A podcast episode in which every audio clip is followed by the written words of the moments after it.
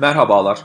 Alper Akalın ve Burak Dalgın'ın birlikte ülke ve dünya gündemindeki iktisadi sorunları tartışmayı ve bu sorunlara çözüm önerileri getirmeyi hedefledikleri Nasıl Olacak adlı podcast serisine hoş geldiniz. Merhabalar. Nasıl Olacak adlı podcast serimizin 8. bölümünde Burak Dalgın ile birlikte karşınızdayız. Burak hoş geldin. Hoş bulduk. Bu hafta para, sağlam para nedir ve enflasyon Türkiye'deki son dönemdeki döviz kurunun da artışını ve tüm parasal meseleleri 25 dakikada konuşmaya çalışacağız. Ve yine de bir konuğumuz var bu haftada, uzman bir konuğumuz. Konuğumuzu takdim etmek üzere sözü Burak'a veriyorum. Evet çok şanslıyız çünkü bugünkü konuğumuz Ömer Gencal. Ee, kendisinin çok muhtelif şapkaları var ama iki tanesini burada söyleyeyim. Bir tanesi senelerce Türk bankalarında en üst düzey e, seviyede görev yapmış bir finans profesyoneli. Ee, ama aynı zamanda kendisi bir Ironman. Maalesef bugün Iron Man'liği konuşamıyoruz. İnşallah onu başka bir gün konuşuruz. Bugün birazcık daha sıkıcı olan tarafa e, finans piyasaları tarafına başlıyoruz. Ve direkt ben şey sorusuyla başlayayım. Ya sürekli para para para diyoruz. Nedir bu para? Merhaba herkese. Ee, öncelikle e, girişteki Iron Man'le finans uzmanlığını ben bir arada tutabiliyorum. Onu söyleyeyim Burak. İkisi de e, ciddi bir e, endurance istiyor, dayanıklılık istiyor. E, o nedenle ikisini birbirinden çok ayırmak mümkün değil ama onunla ilgili bir podcast'te yaparız tabii. Para aslında çok basit anlamıyla bir değişim aracı. E, Lidyalılar döneminde bulunmuş e, günümüze kadar e, modern bir şekilde de gelmiş. Eskiden Trump usulü insanların birbirleriyle mal alışverişiyle yapmış oldukları değişimi daha sonra e, bunu ekstra bölemiyoruz, şunu yapamıyoruz, bunu yapamıyoruz şeklindeki kavramla e, paraya indirdikleri ve e, para ile birlikte yapmış oldukları değişimden kaynaklanan mal alışverişi veya servis alışverişi ne baz olan e, meta diyebiliriz. E, aslında paranın e, daha öncesinde de şunu e, öngörmek lazım. Parayı para yapan şey aslında e, kredi. E, kredi de e, eski bir Latince kökenden geliyor. Credes kökeninden. Credes'in anlamı güven demek. E, ekonominin aslında tamamının e, dayandığı şey e, güven.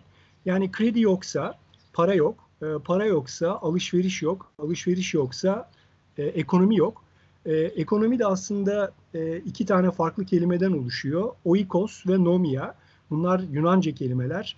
Oikos dediğimiz şey ev demek aslında. Nomia dediğimiz de e, kurallar bütünü.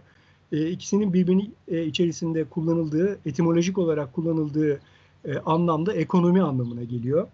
E, aslında bunların hiçbir tanesi birbirlerinden çok bağımsız değil. E, para kredi yoksa para yok. E, para yoksa ekonomi yok. Ekonominin bütünü yoksa alışveriş yok, e, refah yok, büyüme yok diyebiliriz. Bu çok güzel bir girizgah oldu. Bütün konseptleri de temel kavramları da birbirine linklemek açısından iyi oldu. Ben de şey düşünüyordum. Bu para birimlerinin kökenlerine bakınca aslında bu bahsettiğin güvenin, kredinin nereden geldiğini görüyoruz değil mi? Bir tanesi ya bu şeyden geliyor, değerli bir madenden geliyor. İşte altın da bugün bir para değil mi? Yıllarca da paranın içindeki altın oranına ifade ediliyor. Ya da işte en büyük para dolar değil mi? İşte şeydeki Çek Cumhuriyeti'ndeki gümüş madenlerinden geliyor adı. Yani ya bir değerli madene bir atıf var. Veyahut da Dukka gibi, Crown gibi padişahın, kralın, Sezar'ın tacına bir gönderme var. Yani bu iş ya bir metale dayandırılıyor, o güveni sağlamak ya da bir siyasi otoriteye dayandırılıyor. Yani olayın kökünde güven olduğunu sen de ifade ettin. Aslında bugünkü para birimlerinin isimlerinde de bu geçiyor ve bugün de aslında kullandığımız üç farklı parada değil mi? Bir tanesi kağıt paralar değil mi? Orada bir e, egemenliğe atıf var. Çok bir tanesi iyi. daha metal paralar işte altın gibi gümüş gibi. Bir tanesi de bitcoin gibi ve benzeri kripto paralar. Orada da bir farklı bir güven ilişkisi oluşturulmaya çalışıyor değil mi? Çok doğru. Hepsinin altında güven var. Ee, özellikle kağıt parada güven e, bahsetmiş olduğumuz ekonominin e, üretkenliği, verimliliği, e, kurallar bütünü içerisinde kurumsal yapıların nasıl işlediği, bu kurumsal yapıların birbirleriyle aslında nasıl e, bir checks and balances'ı e, ortaya koyduğu. Denge fren değil mi? De, aynen öyle. E, birbirleriyle olan e, kontrol mekanizmaları, e, kuvvetler ayrılığı. Tabii e, bunun yanına şeffaflığı e, ve hesap verilebilirliği de kesinlikle koymak lazım. e, şeffaf ve hesap verilebilir e, kurumlar tarafından yönetilen ekonomilerde e, paralar belirli bir anlam bir zaman sonra e, tamamen rezerv para haline gelebiliyorlar. Amerikan dolarında olduğu gibi, e, Euro'da olduğu gibi, Japon yeninde olduğu gibi diyebiliriz. Pound'da olduğu gibi diyebiliriz. Abi, Doğru. Aslında sağlam para bu demek diyorsun değil mi? Yani sağlam para enflasyonun düşük olduğu paradır diyebilir miyiz? Ya da bunu açabilir miyiz? Sağlam para deyince ya da rezerv para deyince ne anlıyoruz? Sağlam para e, enflasyonu düşük, makroekonomik göstergeleri sağlam, e, ekonomik verimliliği ve üretkenliği yüksek. E, o yüksekliğe bağlı olarak e, diğer makroekonomik göstergelerde cari açık dengesi e, lehte olan, e, yurt içi tasarrufları yüksek olan, e, mali kuralla yönetilen ve bütçe dengesi e, fazla veren veya birbirine denk olan ekonomiler diyoruz. Zira bunların e, birbirlerinden ayrı olarak düşünülmesi zaten mümkün değil. Birbirlerini otomatikman etkileyen, domino taşı gibi etkileyen bir takım unsurlara sahip. E, ekonomide güven yoksa e, elde para tutmayı insanlar istemiyor. Elde parayı tutmak tam vazgeçtikleri zaman Merkez Bankası'nın bu konuyla ilgili maalesef para politikası etkin olamıyor. Aktarım mekanizması doğru çalışmıyor. Bunun sonucu olarak e, fiyatlar genel düzeyinde insanların beklentileri bir dönem sonra e, fiyatların daha fazla artacağına dair bir takım e, beklentiler oluyor. Bunun ortaya koymuş olduğu unsurları e, bir şekilde dengeleyemeyen e, devletler, hükümetler fazlaca bütçe açığı vermeye başlıyorlar. Bu bütçe açıkları sonuç itibariyle e, piyasadaki para miktarını arttırıyor. Piyasadaki para miktarı artmaya başlayınca otomatikman enflasyon doğuyor. Yani bir kısır döngüye giriyoruz. Bunların hiçbir tanesini birbirlerinden aslında ayırmak mümkün değil. Ya bu aslında birazcık şey hatırlattı bana anlattıkların. İşte emekli Ayşe teyze değil mi? Parasını 3 kuruş arttırabiliyor ise ki artık ne kadar arttırabiliyor şüpheli. Arttırabildiği parayı ya ne yapıyor? İşte tamam şuraya bir 50 dolar alayım öyle dursun diyor. Ya da işte alabilirsem bir tane çeyrek altın alayım öyle dursun diyor değil mi? TL olarak bunu tutmaktan kaçıyor. Çok bu, doğru. Bu, bir, biraz bunu hatırlattı anlattıklarım bana. Çok doğru. Şu anda da yaşadığımız zaten o. Yani genel olarak tasarrufların e, genel kompozisyonuna baktığımız zaman e, Türk lirası ve döviz cinsin tasarrufların neredeyse %50-50 oranında olduğunu görebiliriz. E, tabii şu andaki rakamlar e, tek başına bir şey ifade etmiyor ama özellikle 2002-2007 dönemi arasında yaşadığımız o Türkiye'deki e, verimliliğin artışı e, dolayısıyla Türk lirasına olan ilgi dolayısıyla bu oran e, Türk lirası %72-75, yabancı para %25-28 aralığında bir e, orandı. Geçmişten bugüne kadarki gelen süreç içerisinde ortaya çıkan bir takım makro göstergelerdeki bozulmalar Türk lirasına güveni kaybettirdi ve e, %50-50 oranına kadar geldik. Hatta e, bu oran geçtiğimiz e, 6 aylık dönemde %54'lere kadar çıkmıştı.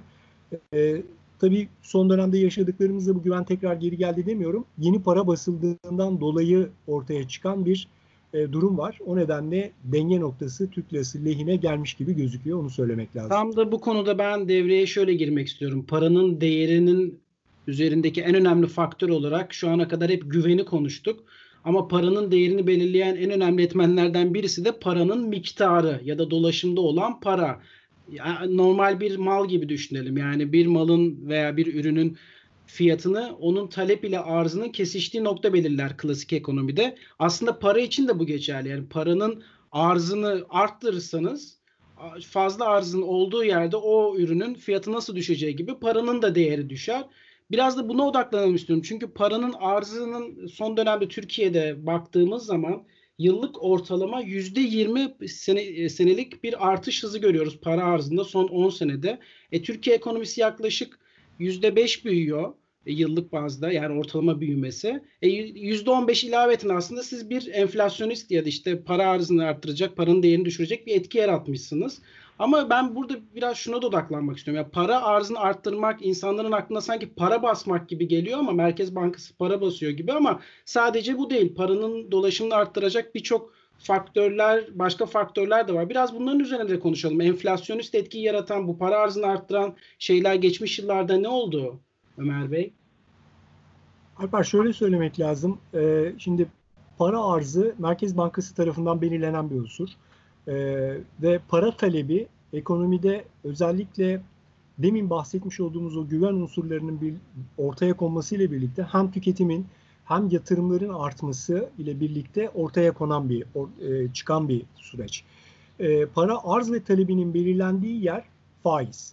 Yani kısa dönemli olarak Merkez Bankası aslında para arzını çok yüklü miktarlarda artırmıyor. Bugün için konuşmuyorum.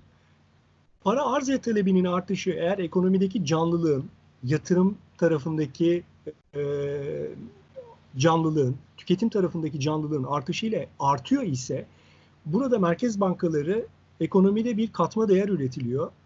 Üretim ve hizmetler tarafındaki bir artış dolayısıyla para dolaşımının hızlanması anlamına geliyor ve bu para miktarının artışı zaten enflasyonist etki yaratmıyor. Burada kilit nokta e, bir yine ekonomiye olan güven ama çok daha önemlisi verimlilik ve üretkenlik artışı. Verimlilik ve üretkenlik artışı sonucunda artan mal ve hizmetler dolayısıyla para arzı artıyorsa Merkez Bankası zaten otomatikman o para arzını artırarak ekonomideki likitte sıkıntısını ortadan kaldırıp ekonominin rahat dönmesini sağlayabilecek bir takım unsurları ortaya koyuyor. Ama eğer herhangi bir neden yokken sadece ve sadece bütçe açıklarını fonlamak istiyor isek, e, isek ve bunu e, çok kısa bir yoldan e, yapıyor isek yani Merkez Bankası doğrudan e, para arzını artıracak bir e, duruma gidiyor ise e, bu sefer para talebinin artmadığı bir ortam itibariyle faizlerin düşmesi ve ekonomiye olan güvende yoksa eğer ki ekonomiye olan güvenin şu an itibariyle risk parametreleri olarak e, ölçülebildiği belirli indikatörler var, göstergeler var. Bunlardan bir tanesi mesela CDS diyebiliriz. Türkiye'nin CDS'i 600'lerin üzerinde. E, o da aslında bir taraftan e, şunu beraberinde getiriyor. Bir, onun örtük olarak işaret ettiği bir şey var. 600 rakamı aslında bir faiz oranı. Yani ben almış olduğum herhangi bir bazın üzerine şu kadarlık daha bir risk birimi koyarım demek bu Türkiye için. E, para arzının arttığı yerde para talebi aynı kalıyorsa bu sefer faizler aşağı geliyor. Faizlerin aşağı geldiği yerde e, ekonomiye olan güven tam değilse faizler tarafındaki risk priminin artmaması dolayısıyla bu sefer paradan kaçış başlamaya başlıyor. Şimdi böyle bir ortam itibariyle de aslında arz talep dengesizliğinin ortaya koymuş olduğu e, bir unsur ortaya çıkıyor ve burada insanlar yeterli miktarda risk birimi alamadıklarını düşündükleri için portföy tercihlerini elinde bulundurdukları daha güvenli bir paraya dönmeye çalışıyorlar. E, şöyle bir örnek gösterelim.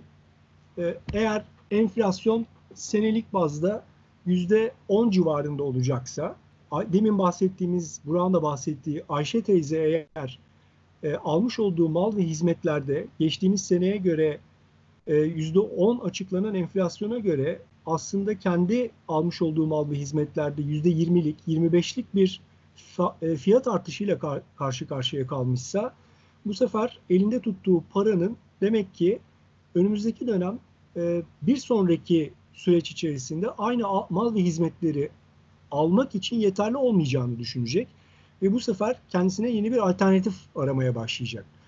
E, bu alternatif de o paradan kaçışı beraberinde getirecek. Yani demin söylediğimiz para arzının artışıyla birlikte faizlerin düşmesi ama aynı zamanda enflasyonun yukarıya giderek beklentileri bozması dolayısıyla insanlar bu sefer paradan ellerinde tutmuş oldukları paradan kaçıp daha güvenli bir limana geçmeye çalışacaklar. Son dönemde yaşadığımız o bahsetmiş olduğumuz e, döviz cinsi varlıklara yönelim de bundan kaynaklanıyor zaten. Bu şey lafı vardır hep kahve sohbetlerinde genelde söylenir. Devletin borcu var. Devlet niye para basıp bu borcu ödemiyor? Biraz da onu konuşalım mı? Zaten değindin gerçi ama devlet niye para basıp borçlarını ödemiyor? Devlet para basıp eğer borçlarını öderse demin bahsetmiş olduğumuz para arzının e, herhangi bir üretim ve hizmet artışından kaynaklanmadan e, doğrudan e, para arzının artışı ve faizlerin inanılmaz düşmesini beraberinde getirip bunun sonucunda daha güvenli bir yer olan ya farklı bir para birimi cinsine ya da başka bir e, mala dönüp o paranın bir an önce elden çıkartılması sonucunu beraberinde getirir ki o da enflasyonist bir süreçtir. Senenin başından beri yaşadığımız bir e, aslında dönem var. Her ne kadar şu anda e, korona krizi dolayısıyla e, özellikle kredilerin artışı nedeniyle Merkez Bankası'nın devreye girmesi burada söz konusu olduysa da şöyle bir örnek vermek lazım. Senenin başında 19,5 milyarlar civarında olan Merkez Bankası'nın e, menkul kıymet portföyü mesela son dönemde 61 milyar TL'lere kadar çıktı. Şimdi burada bir 42 milyar TL'lik artış var. Bunun karşılığında Merkez Bankası piyasaya bir para sürdü. Aynı zamanda hazinenin de e, borçlarını e, son dönemde sene başından beri 30 milyar TL arttırdığını görüyoruz Merkez Bankası bilançosunda. Biraz teknik oluyor bu ama şunu söylemek lazım. Sene başından beri aslında karşılığı olmayan yani ekonomi büyümeden, ekonomide herhangi bir büyüme emaresi görülmeden 72 e, milyar TL'lik bir para çıktı ortaya. E, ben bunun bir anda enflasyonu tetikleyeceğini düşünmüyorum. Ama şunu görmek lazım. Eğer önümüzdeki dönemde e, üretim tarafında yani bu para arzının artışıyla birlikte para talebini ortaya koyacak herhangi bir unsur olmazsa bu enflasyonist bir neden olacak ve enflasyonun yukarıya doğru gitmesi için yegane e, şeylerden bir, biri haline gelecek. E, devlet eğer elindeki borcu para basıp öderse burada demin vermiş olduğumuz örnekteki gibi herhangi bir üretim ve e, hizmet artışı söz konusu olmadan yani ülkenin gayri safi milli hasılasında hiçbir artış olmadan ki gayri safi milli hasılasının artışını tüketim artı yatırım e, artı e, devlet harcamaları ve dış alem gelirleri olarak e, tanımlıyoruz biliyorsunuz.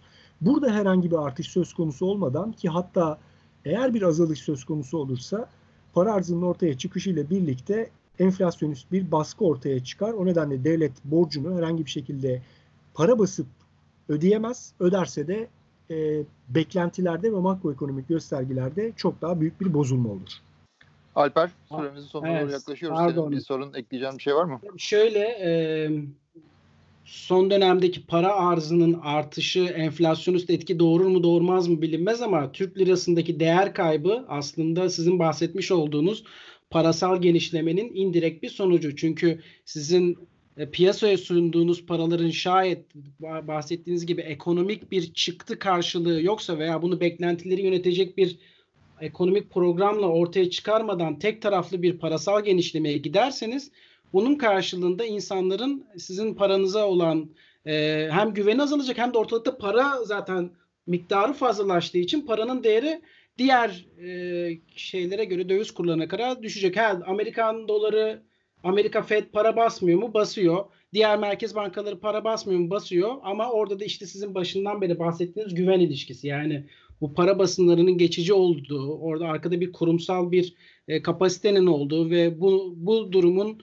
yeniden tersine döndürecek mekanizmaların ileride çalıştırılacağı beklentisi e, dövizdeki e, e, en azından Türk lirası gibi gelişmekte olan ülkelerin para birimlerinin dövize karşı değer kazan, kaybetmesinin bir önünde bir faktör kaldı ki emtia, altın gibi emtiaların da tüm para birimleri karşısında değer kazanıyor olması da aslında bu parasal bolluğun bir göstergesi. Yani para arzını arttırdığınız anda bu sefer e, kısıtlı olan ya da işte arzı çok da mümkün olmayan, arttırılması çok da mümkün olmayan e, değerli metaller para karşısında değer kazanıyor ki altının son dönemdeki fiyat artışını bu da açıklıyor diyeyim. Ben aslında konuyu şöyle süremizin sonuna doğru geliyoruz.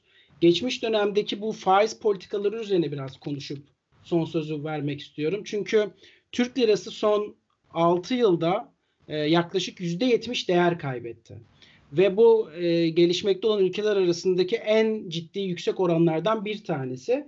Ve bunun ardında güven faktörünün yanında bir de bu faizler üzerindeki baskı faktöründen de biraz e, söz açmak gerekir diye düşünüyorum. Burada kısa bir şey yapacağım. E, açılış ya da biraz konuyu açacağım. Yani düşük faizin neden Türk lirası üzerinde bir baskısı olsun? Şöyle, Türkiye bildiğiniz gibi çok tasarrufları yüksek olan bir ülke değil e, tasarruf açığı olan bir ülke. Yani ta, yatırım ihtiyacını kendi tasarruflarıyla e, karşılayamayan, onun içinde ilave finansman ihtiyaçlarına kaynak duyan bir ülke. Ama Türkiye zaten tasarruf yetersiz bir ülkeyken siz bir de faizleri suni olarak düşürdüğünüzde bu tasarruf teşviğini daha da azaltıyorsunuz. Yani şöyle ki Türkiye'de ben rakamlara baktığımda son 6 yılda mevduat faizlerinin reel getirisi neredeyse sıfır.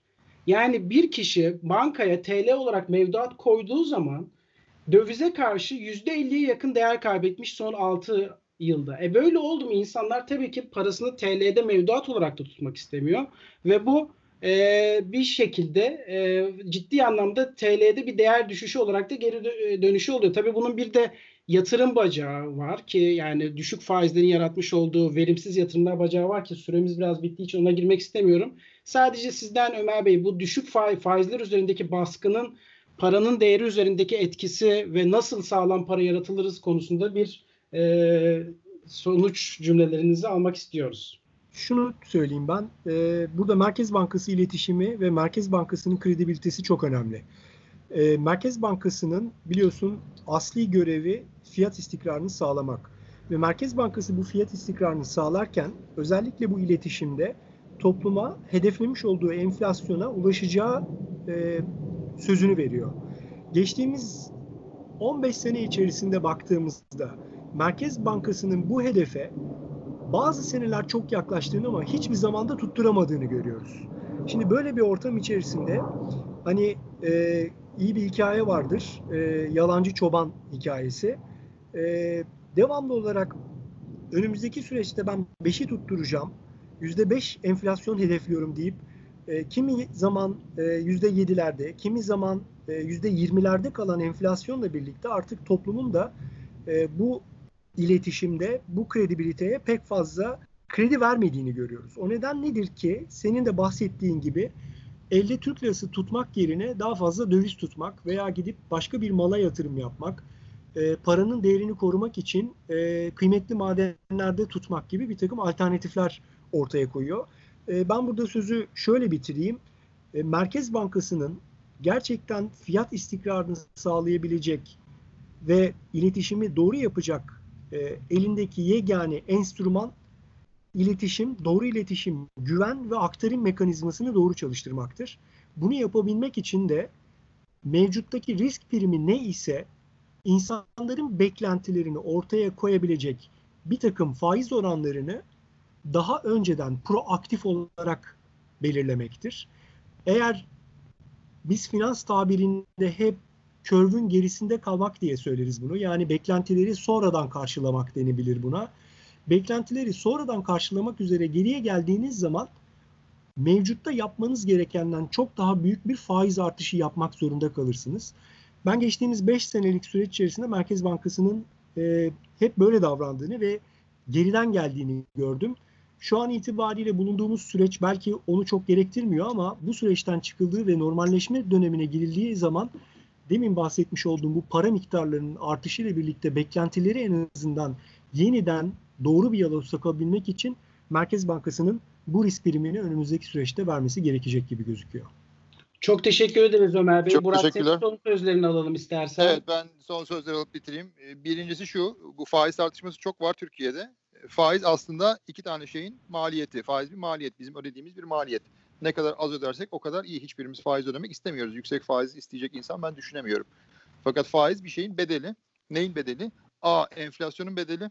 B. Öngörülebilirlik ve kredibilitenin bedeli. Bizim enflasyonumuz ne kadar düşük olursa ve kurumlarımızın liyakati, kredibilitesi, itibarı ne kadar yüksek olursa o kadar az faiz öderiz. Yani az faiz ödemek istiyorsak yapmamız gereken belli. Enflasyonumuzu düşürmek ve kurumlarımızı daha itibarlı getirmek, hale getirmek ki bedeli ödemeyelim. Ee, bu vesileyle çok güzel sohbet için ben e, Ömer Gencal'a çok teşekkür ediyorum Alper ve kendim adına.